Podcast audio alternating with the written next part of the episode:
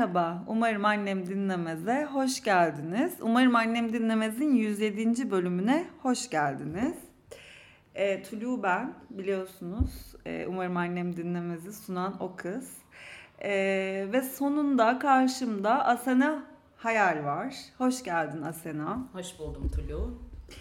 E, Asena Beyoğlu'na, Beyoğlu gece hayatına, gece hayatı kültürüne, kulüplere oldukça hakimsin. Yıllardır hakimsin. E, neden hakimsin? Neler yaptın? E, hangi işlerde çalıştın? Ve ben seni neden bu konu özelinde umarım annem dinlemeze hem de seçim öncesi çağırdım. Senden dinleyelim istiyorum. Tabii. E, konuya biraz tersten gireyim.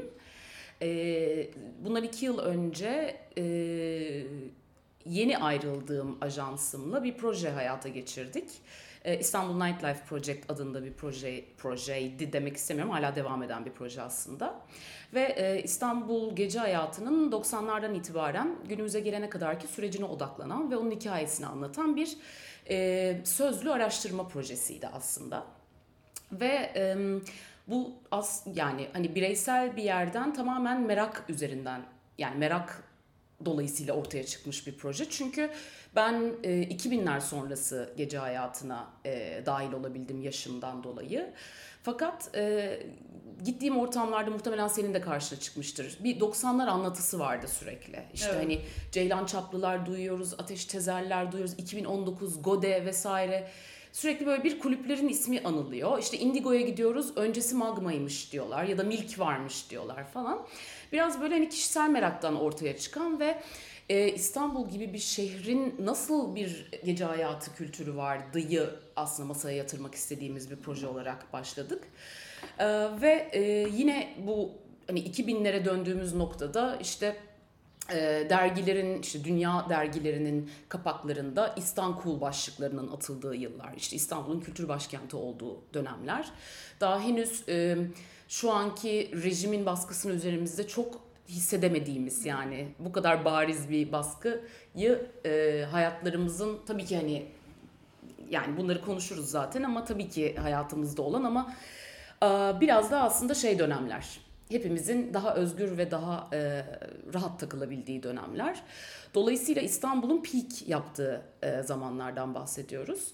Ve e, o döneme tanıklık etmiş biri olarak şimdi geldiğimiz sürece kadar ki e, dönemi aynı zamanda benim deneyimlemediğim ama e, birçok insanla konuşarak nasıl bir İstanbul vardı, nasıl bu bu nereden geldi bu kültür böyle bir hani internet yok hiçbir şey yok vesaire nasıl e, buraya geldiği biraz e, arşivleyelim hani buna biz de dönüp bakalım e, biraz bugüne de taşıyalım çok nostalji yapmak istemedik ama ister istemez o nostaljiye de düşüyorsun. Çünkü um, hani ah vah diye andığımız bir dönemden bahsediyoruz. Ama e, aslında proje şeyi de amaçlıyordu. Bilmiyorum hani ne kadar e, bunu başarabildik ya da başarabileceğiz bundan sonrasında ama e, bakın böyle bir İstanbul vardı ve bu alanlara bir noktada sahip çıkmak da durumundayız. E, bundan sonrası nereye gider biraz belki cesaret de verir. Hiç deneyimlememiş bir e, kuşaktan bahsediyoruz. Belki onlar için bir kapı açar. Biraz hani vizyon katar bilmiyorum. Yani o biraz aslında şey attık ortaya ve hani e, evet böyle bir İstanbul vardı ama bakalım ne olacak bundan sonrası gibi. Biz de böyle bir birlikte deneyimliyoruz aslında proje ilerledikçe. Proje devam ediyor. Ediyor. Ee, peki o zaman senden en geçmişine gidip işte benim mesela gece hayatı başlangıcım 2006. Benim de aynı Değil mi? Biz aynı da evet, jenerasyon evet. olarak aynıyız. Senden bir zaman tüneli rica Tabii. ediyorum. Yani biz 2006'da sokağa çıktığımızda neler yapıyorduk, neler yapabiliyorduk? Ee, ve bugüne kadar ki o işte merdivenleri çıkarak, ilerleyerek bugüne geldiğinde neleri yapamıyoruzdu. Belki senin ağzından çünkü ben bugün e, story paylaştım. Siz en son ne zaman özgürce sokağa çıkmıştınız gece diye. Bazı e, Z jenerasyonu hiç diyenler var. Bizim özgür olduğumuz o dönem var. E, bunu inkar edemeyiz. Çok eğlendik biz gece hayatında. Yapmadığımız şey kalmadı. Sabahlara kadar sokaklarda süründük, eğlendik, dans ettik. Hiçbir şey kısıtlama olmadan, hiçbir yasak olmadan. Şimdi sen buraya gelmişken, ay bu böyle şeyler konuşunca tüylerim diken diken oluyor. Çok kötü oluyorum. ya o ne, biz ne yaşıyoruz? Neyse. Senden bir e, kendi hikayeni dinlemek istiyorum. Özgürlüğünü dinlemek istiyorum. Tabii. Ee, şimdi benim aslında gece hayatı dediğimiz e, deneyim sürecimin başlaması biraz dinlediğin müzikle paralel gidiyor aslında o dönem. Şimdi ilk gençlik yıllarıma gittiğim zaman işte lise dönemi güzel sanatlara hazırlanıyorum o zaman. Kadıköy'deyiz. İşte daha böyle e, daha rock alternatif müzikten başladı. Bir dönem metale kaydı. Sonra metal müzik işte İngilizce sözleri anlamaya başladıktan sonra metal müziğin aslında sözlerinin çok böyle hmm okey yok bu benim olayım değil deyip punk'a atlayıp biraz daha böyle politik bir yerden yaklaşıp müziğe. öyle bir müzik dinleme sürecim oldu ve o dönem Kadıköy'deydim. İşte kursum oradaydı vesaire. Beyoğlu'na e, üniversite zamanı aslında düşüyor yolum. Ve e, o dönem işte daha çok barlarda takılıyoruz. Hani e, Akmar'ın önünde yerde oturup şarap içmek çok cool bir şeydi mesela.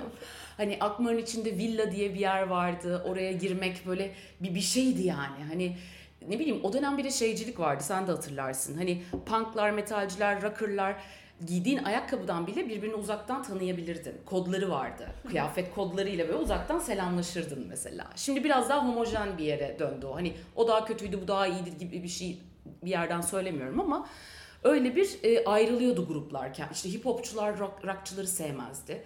Blue Jean dergisinde hip hopçular işte rockçılar arasında atışmalar olurdu, küfürleşmeler olurdu. Buradan da Tolga Akyıldız'ı ve Çağlan Tekil'i de e, anmış olalım e, Blue Jean hepimizin hayatında çok böyle şeydir, kafa açıcı bir yerde konumlanmıştır.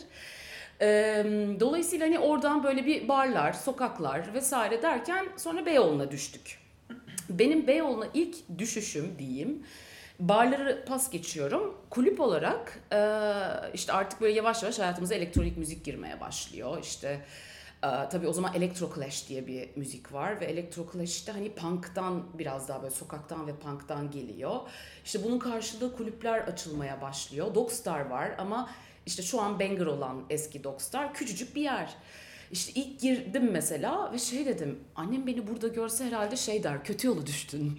hani öyle bir yer böyle müzik çok iyi alt katta yataklar vardı o zaman ee, karanlık, izbe, küçücük bir yer, müzik çok iyi falan. Böyle bir şey oldum hani kendim gibi insanları bulduğum ve e, yine o dönemde mesela hani e, tam şimdiki gibi içki fiyatları çok yüksek değildi ama yine de öğrencisin hani belli bir yere kadar mekanda içebiliyorsun. Dolayısıyla kamusal alanlar vardı. TÜYAP vardı. TÜYAP eski e, TRT otoparkının, TRT'nin olduğu yerdeki otopark. Bütün punklar işte müzik grupları, işte sanatçılar vesaire herkes orada toplanırdı. İşte plastik bardaklarda vodkalar, işte biralar içilirdi. Sonra herkes dinlemek istediği müziğe göre mekanlara dağılırdı. İşte biz Dockstar'a giderdik. Oradan Dirty açıldı sonra. Sonra Dirty'ye giderdik. Benim dört ile başlamıştı. Evet. Çılgınlığı. Meşin. Oradan Mission, çıkarsın Mission. Meşin'e gidersin. Mission. Zaten Dogs, Dirty Dogstar Mission. İki kere üç kere o şeyim yetti. Yaşım. Indigo daha şeydi mesela hani ne bileyim giriş parası vardı. Hani orada çok daha büyük yani yaş ortalaması bir tık daha belki şeydi bizim o döneme göre. Hani Indigo'ya ben böyle 2007 2008 gibi gitmeye başladım.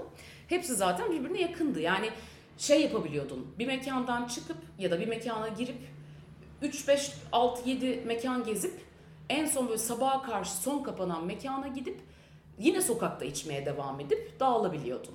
Ve herkesin dinlediği müziğe göre de ayrılıyordu kulüpler. Yani o dönem elektronik müzik tabii ki biraz daha underground bir yerdeydi. Şu an ana akıma daha yakın duran mekanlar da var. Hı hı. Yine underground kendi şeyini koruyor ama e, o dönem full underground'tu. Hani daha ana akım şeye giderdi. Boğaz hattına giderdi. Oralara zaten biz gitmezdik. Gibi. Burada keseyim sen sor tekrar. Tamam. Ee, evet o dönem özeldi gerçekten. Yani sokaklarda rahat rahat e, içmelerimiz, içkilerimizi paylaşmamız, işte paran ne yetiyorsa ona gitmek, ayrılmak. e, tercihlerimize göre yaşamak özel geliyor şimdi baktığında. Peki bugüne dönelim. Bugüne baktığımızda, geçmişle karşılaştırdığımızdaki farkları konuşalım. Ee, bir kere öncelikle çok büyük bir ekonomik e, buhran söz konusu. Şimdi o dönem dinlediğimiz, küçük kulüplerde dinlediğimiz isimleri şu anda ancak hani çok büyük e, eventlerde ve çok yüksek e, bilet paralarıyla e, izleme şansı olanlar izleyebiliyor. Dolayısıyla bir yandan müzisyen tarafından baktığın zaman da dinleyici kitlesi değişmiş oluyor. Yani belki senin core dinleyici kitlen yani seni yıllardır takip eden insanlar e, seni izlemeye gelemiyorlar çünkü o bilet paralarını bin liralardan bahsediyoruz. 600-700 liralardan bahsediyoruz. Yani birincisi zaten böyle bir sorunumuz var. E, içki yasakları yani festivallere döneceğimiz noktada zaten içki ve sponsorluk yasakları gibi bir şey var hayatımızda 2013 yılından beri. Dolayısıyla e, o tarafta da bir e, nasıl diyeyim tabii ki hani yine onlar olmasa içkiciler olmasa bu etkinlikleri asla hayata geçiremeyiz. Yine onların sponsorluklarıyla dönüyor aslında ekosistem ama ama isimlerini söyleyemiyorlar. Söyleyemiyorlar. Biraları gösteremiyorlar. Aynen. Sigara şey yapamıyorsun. Eskiden sigaracılar da sponsorluk verirlerdi etkinliklere vesaire. Ee, ve kulüplere geldiğimiz noktada tabii ki çok büyük ticari kaygılar var artık. Kiralar çok yüksek e, o, o ekibin parası ödenecek, işte çalışanların parası ödenecek. E, DJ bukluyorsun, içeriği doldurabilecek mi? Bu sefer bazı mekanlar kendi kitlesiyle gelen DJ'leri buklamaya çalışıyor vesaire. Okey. E, o zaman da müzik kültürü de başka bir yere gidiyor. Şimdi büyük kulüpleri konuştuğumuz noktada büyük kulüpler e, loca sistemi üstünden ilerlemeye başladı. Yani şişe açtırmak, yani yine gidiyorsun bir müzik dinliyorsun, dans ediyorsun. E kitle de değişiyor. Bu sefer yani para çalışıyor. Para çalışıyor. Ha, daha küçük kulüplere gittiğin zaman e, bir böyle bir şey görüyorum aslında. Hani ben şey tarafta değilim. Ay Beyoğlu bitti, gece hayatı bitti, Allah kahretsin tarafında Yine değilim. Yine yolumuzu buluyoruz. Buluyoruz ve biraz daha böyle e, bundan işte bombaların patladığı döneme kıyasla biraz daha iyi durumda şu anda bence. İşte ufaklı tefekli kulüpler açılıyor. Bu yaz açılacak bazı mekanlar var. Ee, bir noktada herkes kendi alanını çünkü böyle bir talep var. Aslında bütün böyle geçmişe gittiğimiz noktada da hep bir ihtiyacı karşılık doğmuş e, bu kültür diyeyim. Hı hı. Şu anda da bir sıkışmışlık var ve insanların kendilerini ifade edebildiği ya da insanların biraz daha güvende hissettiği yer aslında kulüpler. Hı hı. Yani bir noktada bir e, dayanışma ağı yani bir e, yani hepimizin bir araya geldiği ve bir e, bir, bir birbiriyle bir arada direndiği mekanlar. Yani işte yardım etkinlikleri yapılıyor. İşte bazı trans arkadaşlarımızın ameliyatları için paralar toplanıyor vesaire. Aslında bir dayanışma ağı da oluşturuyorsun gece hayatında ve dünyada da böyle aslında. Hepimizin kendini rahat ifade edebildiği alanlardan bahsediyoruz. Hani sınıfın orta sınıfın ortadan kalktığı hiyerarşinin olmaması gereken ve işte bütün o kimlik kodlarından arınmış herkesin eşit olduğu demokratik bir alandan bahsediyoruz aslında. İdeali budur. Hı hı. Hani bunu başarabilen mekanlar var ama çoğunluğa baktığımız zaman çok sınıfçı bir yerden yaklaşıyor. Evet. Peki Asena sence ne oldu ve her şey nasıl değişti? Evet. Yani bir gezi şeyi var. Evet. Herkesin bugün yazdığı. Geziden sonra bitti diyen var. Bu asmalı mescitte masaların kaldırıldığı. Evet. Aslında AKP iktidarının gelip e, bir şeyleri e, değiştirmeye başlamasıyla hayatımız değişti. Neydi senin hatırladığın şu olaydan sonra sıçtık abi dediğin şey? Tabii emekle başladı, geziye uzandı süreç. Zaten hepimizin deneyimlediği bir dönem. Ve sonrasında sistematik olarak Beyoğlu'nun e, e, hafızasının yok edilmesi ve Beyoğlu'nun e, kültürünün bir açık hava AVM'sine döndürülmesi gibi bir e, aslında politika izlendi. E, dolayısıyla hani bir sürü kültür merkezi kapandı, galeriler kapandı, e, taşınmak durumunda kaldı. İşte hani çok hani şeyde böyle böyle dramatik bir yerden yaklaşıp işte ah korseci de kapandı demek istemiyorum tabii ki ama ama korseci de kapandı. Korseci de kapandı. Evet. Dolayısıyla yani asmalı zaten bitti. Çünkü asmalıyı sen hatırlıyorsundur. Adım atacak yer olmazdı. Bütün basın oraya giderdi. Bütün magazin basını oradaydı. Ünlüler oradaydı. İşte Otto'sundan lokaline, işte küçük Otto'sundan bilmem mesela her şey oradaydı aslında. Hani orada da başka bir şey var. Babilon gitti. Babilon'un gitmesi aslında çok e, büyük bir şeydir. Çünkü Babilon'un gelmesiyle asmalı asmalı olmuştur. Es, yani şimdi bu söyleşiler yaptığımızda e, çok konuşuldu bu. E, Asmalı Galatasaray'dan sonrası karanlıktı denir. Yani 90'ların son 2000'lerin başı gibi. 90'ların sonu aslında. Galatasaray'dan sonrası karanlıktır. Be Beyoğlu'nun o kısmına e, Babilon açıldıktan sonra bir asmalı hareketleniyor. Dolayısıyla orada başka mekanlar açılıyor, insanlar bir insan trafiği oluşuyor.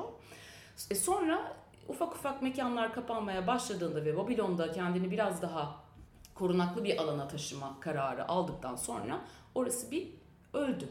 Yani gece bundan birkaç sene önce şu an yine bir hareket var. Şu an hareketlendi ve ben çok mutluyum. Ben de öyleyim. Gerçekten yani böyle asmalara giderken evet, evet. küçük heyecanlarım geri gelmeye evet, başladı. Evet. Çok mutluyum. Pardon sözünü kestim. Evet evet aynen çok katılıyorum. Dolayısıyla hani şey e, Asmalı'da sandalyelerin kaldırılması, TomTom'da sandalyelerin işte kaldırılması, sigara yasağı geldi. E, bununla birlikte tabii ki işte dediğim gibi hani içki fiyatlarının bu kadar yüksek, yüksek yani şu an korkunç durumda. Ya evde içip çıkmayan yok şu anda. Ya Ma- evde Eko, bile içtiğinde evet. tabii canım çok, o bile hani, şey evet. de hani sokakta içemiyorsun. Yok yok. Hani mutlaka böyle bir buluşup evde bir, bir evet. şeyler içip çıkmak zorundasın. Çünkü yetmiyor. Evet. Yetmiyor. Kafayı yiyeceğim. Hiçbir şekilde paramız yetmiyor. Yok yani bir biraya 90 lira, 100 lira bir biradan bahsediyoruz ve 30'luk biralardan bahsediyoruz. Yani korkunç bir rakam.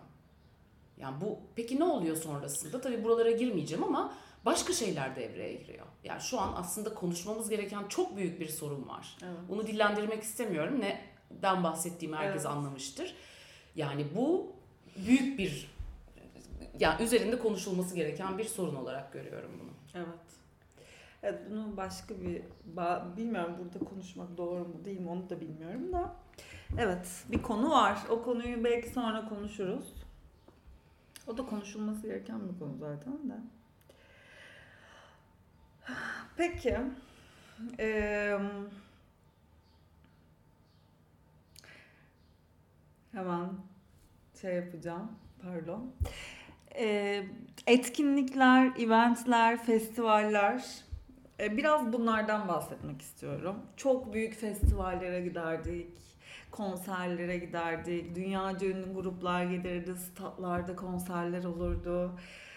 Yani bir şekilde de giderdik. O parayı denkleştirirdik, alabilirdik o biletleri. Hepimiz o zaman öğrenciydik. Ben hiç zengin bir ailenin çocuğu değilim vesaire. Hani çalışıp kazanıp biriktirip giderdim. Biraz da o zamandan bahsetmek istiyorum. Sen tabii sen, ki. Senden dinlemek istiyorum. Tabii ki. Ya festival deneyimi e, ya çok nasıl diyeyim yani çok da böyle şey de yapmak istemiyorum. Hani çok güzel festivaller yaşadık biz siz Z kuşağı hiç bok göremeyeceksiniz gibi böyle bir şey de yapmak istemiyorum. Çünkü yani durum çok e, içler acısı. Yani e, bir bundan işte iki yıl önce attığım bir tweetle gireyim konuya. E, tweette şey diyordum dedim. E, işte bundan bilmem kaç yıl önce Massive Attack konserine gidip çok sıkılıp çünkü öncesinde Trent Emöller çıkmıştı. Hepimizi çok yükseltmişti. İşte Massive Attack çıktığı için çok sıkılmıştık, bayılmıştık. Beyoğlu'na dans etmeye gitmiştik. Nasıl bir hayvanlıkmış dedim yani. Ve bu aldı yürüdü çünkü insanlar şey Nasıl dediler. bir lüks? Nasıl bir lüksmüş bu? Allah sizi kahretsin. İşte biz bok gibi bir şey yaşıyoruz bilmem ne falan. O zaman fark ettim. Çünkü bizim için çok yakın bir geçmiş gibi 10 yıl öncesi bile. Ama aslında o dönem çocuk olan bir sürü insan şu anda genç ve bizim yaşlarımızda.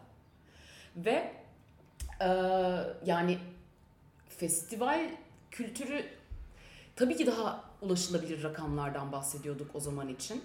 E, bir de tabii ki hani biz de değişiyoruz. Biz de yani insanlar da tırnak içinde büyüyoruz yani. Bizim de... E, çok hevesimiz varmış her şeye. Ya şu an öyle bir heves artık yok bu yaşta da geliyor muhtemelen ya da belki hani bunun karşılığı olabilecek hani o dönemi yaşadığın için bugün onu karşılayabilecek etkinlik olmamasından da kaynaklanıyor olabilir. Onu tam bilmiyorum ama e, mesela bir Radar Live vardır yani 2007 yılında Kilyos Solar Beach'te yapılmış 4 gün sürmüş. Ya benim hayatımda hani yurt dışını da katarak konuşuyorum. Gittiğim en inanılmaz festivallerden biri ve ben şu anda festival yapıyorum ama e, bunu lütfen duymayın. Kendi bilekliğimle 20 kişiyi soktum bir tane bileklikle. Çünkü o zaman güvenlik yok zaten battı bir sonraki seneye getiremediler. İşte Marilyn Manson'ı izledik tam cancel'ladığımız biri falan ama o zaman bilmiyorduk tacizci olduğunu. e, Manson işte CSS, James, kim Kokorozi ya inanılmaz bir fest. Gündüz denize giriyorsun. Müzik zaten 3 tane sahne var. Çadırlarda kalıyorsun. Herkes yemeğini paylaşıyor. İçki işte tanıdık barda çalışan biri varmış. Bütün herkese biraları o dağıtıyor falan. Yani hiç bir böyle, şekilde yolumuzu, yolumuzu gerçekten buluyorduk. buluyorduk. Evet, ben de evet. tweetledim. Ben de bir kere böyle bu işte biz eskiden yurt, paralarımızı birleştirip yurt dışı bileti alıp yurt dışına Avrupa'ya gidebiliyorduk. Şimdiki gençlere üzülüyorum gibi bir şey yazmıştım. Aman tanrım işte sen zengin ailenle bunları yapabilmişsin. Yo. Hiç öyle Yo. bir şey yok. Interrail'a gitmeyen kalmamıştı ki. Ya inanılmaz. Çok ucuzdu çünkü. Çok ucuzdu, çok ucuzdu. Her şey yapabiliyordun. Ya kur şeydi herhalde. Bire iki falandı. Evet. Yani iki buçuktu en fazla. Evet. Ben en son yani o dönemde gittim de üçü gördüğüm için çok üzüldüğümü hatırlıyorum. Evet. Her şeyi üçle çarpıyorum Allah kahretsin falan dediğimi hatırlıyorum. Yani o yüzden o içeriden ses geliyor tık kahve makinesi. Benim programımda böyle kesmiş ee, pardon festivallere geri dönelim. Evet, e, yani mesela festival dediğimiz noktada belki şunu da e, konuşmak gerekiyor. Bu çok tabii ki hani bilen biliyordur ama bilmeyenler için benim böyle duyduğumda wow dediğim bir iş. E, 98 yılında Ateş Tezer, Alev Çağlar Hip Productions'la birlikte, kurdukları Hip Productions'la birlikte JMB Dance and Techno Festivali yapıyorlar Park Orman'da. Türkiye'nin, İstanbul'un, Türkiye'nin ilk tekno festivali ve 98 yılından bahsediyoruz. Aslında bazı şeyler e, o dönem dünya ile böyle neredeyse eş zamanlı hmm. ilerlemiş. Çünkü bazı e, deliler diyeyim tırnak içinde işte yurt dışına gidip burada o açığı gören ve e, oradaki o o kültürü buraya taşıyan çünkü internet yok hiçbir şey yok. Yani müziğe bile çok zor erişebiliyorsun. Ve birileri gelmişler demişler ki bunun burada bir karşılığı olacak biz bunu yapalım demişler. Mesela bir hikaye var. Ee, Ankara'dan tekno tren, treni kaldırıyorlar. Ya yani bildiğin e, devlet demir yollarıyla konuşuyorlar. Bir tren ayarlanıyor. UF UK çalıyor. Çok Ankara'dan İstanbul'a çala çala geliyorlar. Çok iyi. İniyorlar işte garda. Oradan şeye geçiyorlar park ormana. Ve bu e, festival 24 saat devam ediyor. Yani işte öğlen 12'de başlıyorsa ertesi gün öğlen 12'de bitiyor. Ya şu anda müzik yasağı diye bir şey var zaten açık alanda. Bir de 12'de bitirmek zorundasın. Şimdi böyle yerlerden geçmiş bir ülkeden bahsediyoruz. Hani e, sonra rakı koklara zaten girmeyeceğim bile. Yani hani kimler izlendi, kimler dinlendi. İşte o bira şeylerinin yine patladığı ve bütün biraların bedavaya dağıtıldığı Hani hep bir, bir, bir hikayesi var. Ya yine çok böyle nostaljiye giriyor gibi oluyorum ama dediğim gibi o dönem muhtemelen biz de çok hevesliydik her şeye. Ya şimdi mesela festivale gidip çadırda kalmak bana böyle bir zulüm gelebilir. Hayır ama biz gitmeyiz yani 30 küsür yaşında olmuşuz yani birazcık zor gelebilir gitmeyiz böyle şey bir yerden söylemiyorum ama eminim ya 20'lerindeki herkes koşa koşa gider. Zaten biz artık hani belki günübirlik gider gelir evimizde yatar. Ya, ya biraz yaşlanmış hissediyorum ben bu konuda kendimi. Ya da yaş almış hissediyorum. Ee, evet haklısın. Yani o dönemle bu dönem farklı ama durumlar da çok farklı yani. Eminim 20'lerindeki bir sürü insan bizim yaşadıklarımızı yaşamak isterdi. Biz gerçekten çok özgür bir eğlence anlayışına sahiptik. ya giderdik mesela çadırda kalırdık iki gün orada. Annemiz babamız buna izin verirdi. Yani evet. korkmadan. Şimdi bugün dışarı korkmadan çıkmak da bir mesele. Biraz onu da konuşalım istiyorum. Ee, sonuçta burada gündüz Beyoğlu'nda ya da herhangi bir yerde ki buralar daha kurtarılmış bölgeler olarak bile gözüküyor olabilir. Türkiye'nin her yerinde sokağa çıkmak bir mesele. Tacize uğramak artık e, kolunu kaldırsan tacize uğruyorsun gibi bir durum söz konusu. Senin gece hayatındaki e, bu konulardaki farklılıkların hatırladığın, örneklendirmek istediğin konular var mı? Hı hı. Değinmek istediğin bir şeyler var mı? Ee, öncelikle tabii ki e, yani şimdi kendi deneyimimden yola çıkarsam eğer ben şeyi fark ediyorum. O dönem aa bu aslında tacizmiş. Ya bugün arkadaşımla telefonla konuştum. Geçen evet. gün tacize uğradığı bir hikayeyi anlattı ve dedim ki bu o kadar çok başıma gelmiş ve bunun taciz olduğunu o kadar şimdi şimdi anlıyorum ki. Evet. Çünkü bizim de bu tarafta kafamız açıldı. Yani o dönem şimdiki gibi e, bir farkındalık da çok yoktu. Yani hani ne bileyim feminizmle tanıştık, işte e, queer te- teoriyle tanışıyorsun, bir şeylerle tanışıyorsun. O dönem bunlara ben açıkçası çok kafa patlatmamışım. Yani tamam benim eksikliğim olabilir ama belki de o dönem yani bunu için söylemek çok imtiyazlı bir yerden de söylemek istemiyorum ama belki de o dönem e, bunlarla çok karşılaşmıyor muyduk diyeceğim ama Hortum Süleyman diye de bir gerçek var şimdi. Hmm. Yani e, ben karşılaşmıyordum ama Lubunya arkadaşım bunun çok daha beterini yaşıyordu sokakta. Hı Yani hortumlarla yani hani korkunç bir süreçten bahsediyoruz aslında 90'lar özeline de gidersek. Dolayısıyla evet bu söylediğim çok e, sis bir yerden e, bir Aha. imtiyazla konuşuyorum. Ama kendi deneyimimi bir kadın olarak dışarıda eğlenme deneyimimi konuşursam evet ben bazı şeylerin taciz olabileceğini ya da bu birinin gelip e, herhangi bir yerden sana dokunmasını bunun taciz olabileceği ve buna tepki göstermem gerektiği e, tabii ki rahatsızlık duyuyorsun ama bu, bu şu an sanki biraz daha e, bunun dilimize e, evet evet biraz daha bilinçleniyor muyuz artık hani o beden bütünlüğünün bozulmasıyla daha mı şeyiz e, bir, bir bununla bilmiyorum tam cümleyi de kuramadım ama e, o yüzden hani güvenli alan, güvenli mekanlarımız var ama bir elin parmağını geçmeyecek mekanlardan bahsediyoruz. O güvenli dediğimiz alanlarda bile aslında e, işte bir takım olaylar yaşanabiliyor. Kulağımıza geliyor bunlar ya da işte duyuyoruz sağdan Tabii. soldan. Tabii. E, Lubunyalar için güvenli alanlar. E, yani bu, bu bunun artık hani e, elektronik müzik kulübü açıyorsun ve kapıdan içeri almıyorsun. Ya bunları, bunları konuşan, konuşmuyor olmamız lazımdı aslında. Yani bunların çoktan aşılmış olması gerekiyordu ama maalesef hala e, küçücük yerlere sıkıştırılmış, küçücük yerlerde sahne alabilen, küçücük yerlerde performans gösterebilen ve gece hayatına sıkıştırılmış e, queer performerlardan, DJ'lerden bahsediyoruz. Yani neden daha büyük kulüplerde ya da festivallerde neden? Ve çok fazla isim var. Yani şimdi saymaya başlasak çok fazla üreten Ve insan çok var. yetenekliler. İnanılmazlar. Evet, Yani işte bir korku var ama bu korku duvarını aşmadan da e, bir yere gelmeyeceğiz. Yani birilerinin e, bir şeyleri göze alıp e, bunu aşması gerekiyor. Ya daha yakın zamanda e, ismi lazım değil. Büyük kulüplerden birinde e, dudakların cengi için şey dediler biz bir süre ara verelim. Çünkü siz kadın memesi gösterdiniz. Ama tırnak içinde erkek memesi göstermenizde bir sorun yok dediler. Yani bu, bunu şimdi o insanlara nasıl anlatacaksın? Yani evet erkek ama erkek değil, beyanı erkek değil zaten.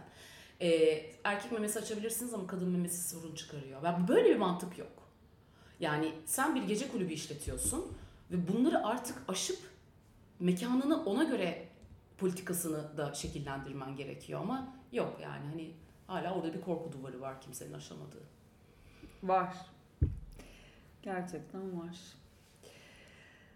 Ee, peki ben bugüne dönelim tekrar. Bugün gece dışarı çıktığında hafta sonu Asena Hayal ne yapıyor? Nerelere uğruyor? Kimleri dinliyor?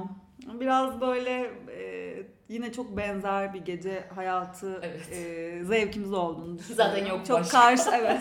Fazlası aynı, yok artık. Aynı yerlerdeyiz biz Asena'yla. Senin bir e, bir gününü dinlemek istiyorum. Tabii bir ki. geceni. Tabii. Kaçta eve dönüyorsun mesela 2023'te? ne oldu bu işler? Şöyle, şimdi ben şeyi çok öne, önemsemek değil de kendimi rahat hissettiğim bir e, durumdur o. Müdavimcilik. Yani gittiğimde, tek başıma da gittiğimde karşı mutlaka tanıdık görebileceğim mekanlarla hep bağ kurmuşumdur. Ee, işte eskiden başka yerlerdi, şu an yok oralar ama şu anda işte Ziba'ya gidiyorum, çok gidiyorum. O evet. mahalle barımız galiba. Evet öyle. Evet. İşte orası da tabii ki hani queer friendly ve e, bütün arkadaşlarımızın rahatça en azından vakit geçirebildiği bir yer. Ee, onun dışında Urban'a son zamanlarda yeniden gitmeye başladım. Bir dönem böyle bir ara vermiştim. Bazen böyle uzaklaştığım evet. alanlar oluyor. İyi geliyor ve evet, bir daha döndüğünde. Evet, evet. Ee, bir dönem Şahika'ya çok gidiyordum. Üzüm işletirken gidiyordum. Ee, ve çok da seviyordum. Ama şu an gitmiyorum. Ee, şu an benim için değişti. İyi ya da kötü demek istemiyorum ama e, kendimi çok da ait hissetmiyorum artık. O yüzden çok gitmiyorum. E, açıkçası çok müzik dinlemek için gittiğim yerler çok kısıtlı. Hı hı. Yani işte No Radyo var, Banger var ama e, daha çok böyle gideyim kapısında arkadaşlarımla selamlaşayım, bir iki bir şey içeyim, sonra eve gideyim. Hani sabahlara kadar dans edeyim artık bende kalmadı açıkçası çok iyi bir işte konser olacak, çok iyi bir performans izleyeceğim, sevdiğim bir isim gelecek. Eğer hani çok ütopik fiyatlardan bahsetmiyorsak ve bilet bulamamışsam ona da e, çok yanaşmıyorum. Biraz dediğim gibi herhalde o heves de e, çok kalmamış olabilir ama genelde böyle açık alanda ve sokakta olmayı tercih ediyorum. Çünkü sokak her zaman beni çok beslemiştir. Ve aslında bütün her şeyin de sokakta olup bittiğini düşünürüm ben. Yani o sokak güvenliği tabii ki şu anda ancak hani ara sokaklarda böyle şey gibi hani zaten yer altındaydık. Şimdi iyice böyle en en şey köşelere yani e, feminist gece yürüyüşünde de böyle hani Cihangir'in en alt sokaklarına itilmiş durumdayız. Dolayısıyla hani istiklal zaten hiç bizim olmadı. Hı hı. Bir dönem böyle bir geldik ho hoy merhaba dedik ama hep böyle arka sokaklara itilmiş durumdayız. E, o, o sokak kültürünü seviyorum hala ben. O yüzden de sokakta oturmak ve içmek her zaman e, tercih ettiğim bir şeydir. Arada böyle çok işte Türkçe müziklere bu ara bazen yükseliyorum. Bir dönem çok böyle hani gidelim 90'lar dinleyelim ya falan oluyordu. O zaman da böyle gittiğim çok e, şey kulüpler var. Hani beni kimsenin tanımadığı, doyasıya eğlenebildiğim, bir iki şarkı dinleyip evime kaçtığım yerler var. Peki e, bu müzik yasağını da bir maddeyle konuşmak istiyorum. Ben geçenlerde, geçen işte 6 ay önce mi ne vize aldım da Yunanistan'a gittim. E, Atina'da böyle bir iki günlük tekno eventine e, gittim. Ve e, iki gün kesintisiz müzik var. Ya şok ol, ya unutmuşum. Hani böyle öğlen 10-12'de kulüpten çıkıp ay gü- güneş gözlüklerim falan böyle hani unutmuşum bu lüksü. Hani burada dönüyorsun, eve dönüyorsun ve ev partileri çoğaldı. Hani hepimiz bir şekilde bir yerler kapan kapanınca evde toplanıp devam ediyoruz. Bunu seviyoruz. Müzik yasağı ne demek? Ee, tamamen bir e, hayatlarımıza müdahale politikası aslında. Bir hayat biçimine müdahale ve e, aslında hmm, yani işte hep bir şeylerin arkasına sığınarak işte pandemisiydi yok işte e, ne bileyim e, konutlara yakın ya da işte ibadet yerlerine yakın mekanların işte e, yasağa tabi tutulmasıydı falan filan derken ama şeyi de düşünüyorum yani bizim eğlendiğimiz dönem 2000'lerde de 24 saat açık kulüp yoktu diye biliyorum ben. Yoktu. Ama evet hiçbir Yoktu. Sabaha karşı evet, dönerdik. Sabaha karşı 6'da 6.30 gibi falan evet. biterdi ama yine de bir evet.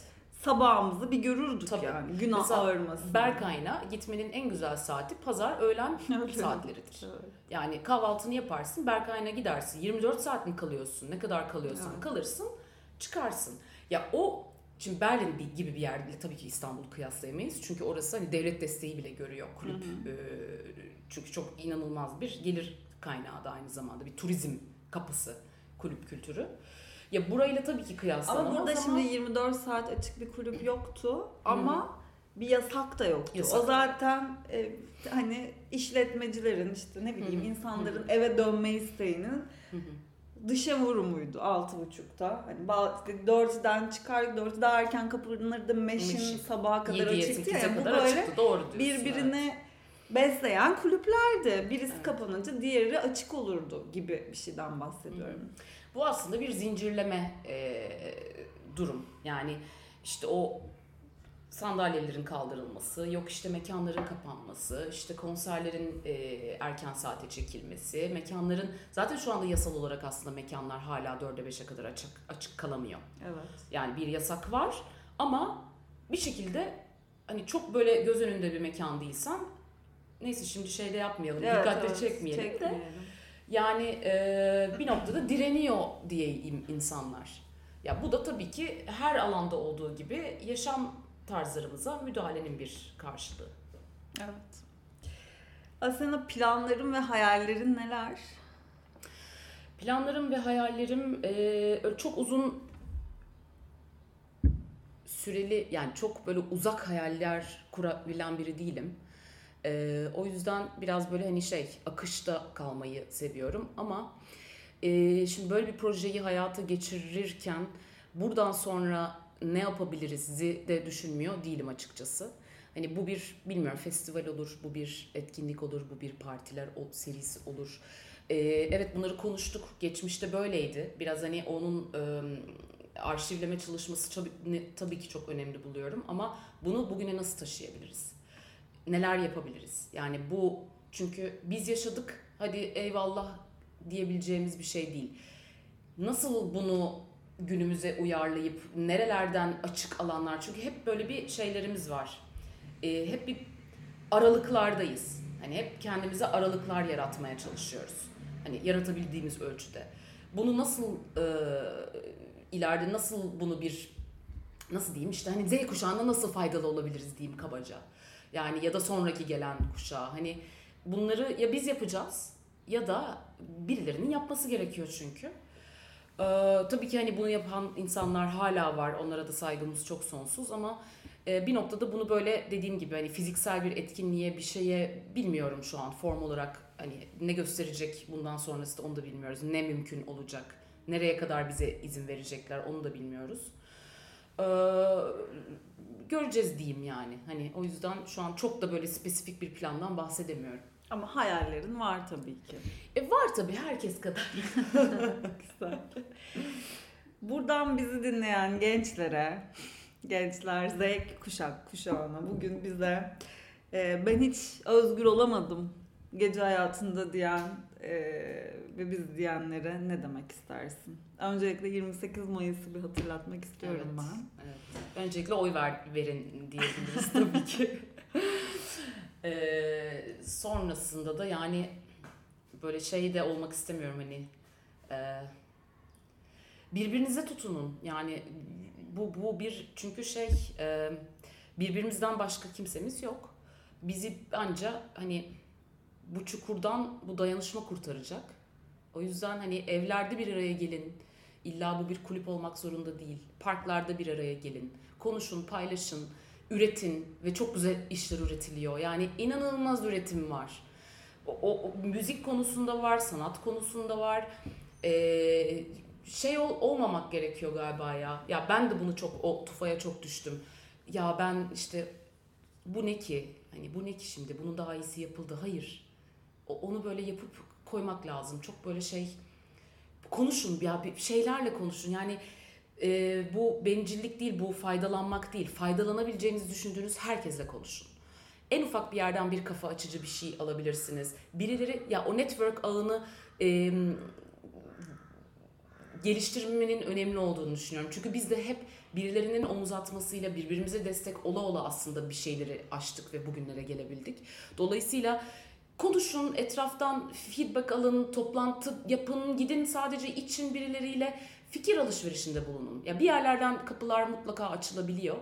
O yüzden e, çok umutsuz bir kapanış olmasın isterim. Umutsuzluğa alışmayın diyelim. E, evet, öyle diyelim. Hani bunu da böyle şey e, oturduğumuz yerden söylemek tabii ki çok kolay. Lütfen yanlış anlaşılmasın. Biliyorum zor. Herkes elinden geleni yapsın bakalım ne olacak. Ben umudumu kaybetmiyorum. Siz de kaybetmeyin. Asena da kaybetmesin. Yok kaybetmiyoruz işte. Arada düştüğümüz o. bir tık Asena'da bir tık düşüş var. Ben onu şimdi yükselteceğim. Peki bu program bitti arkadaşlar. Teşekkürler.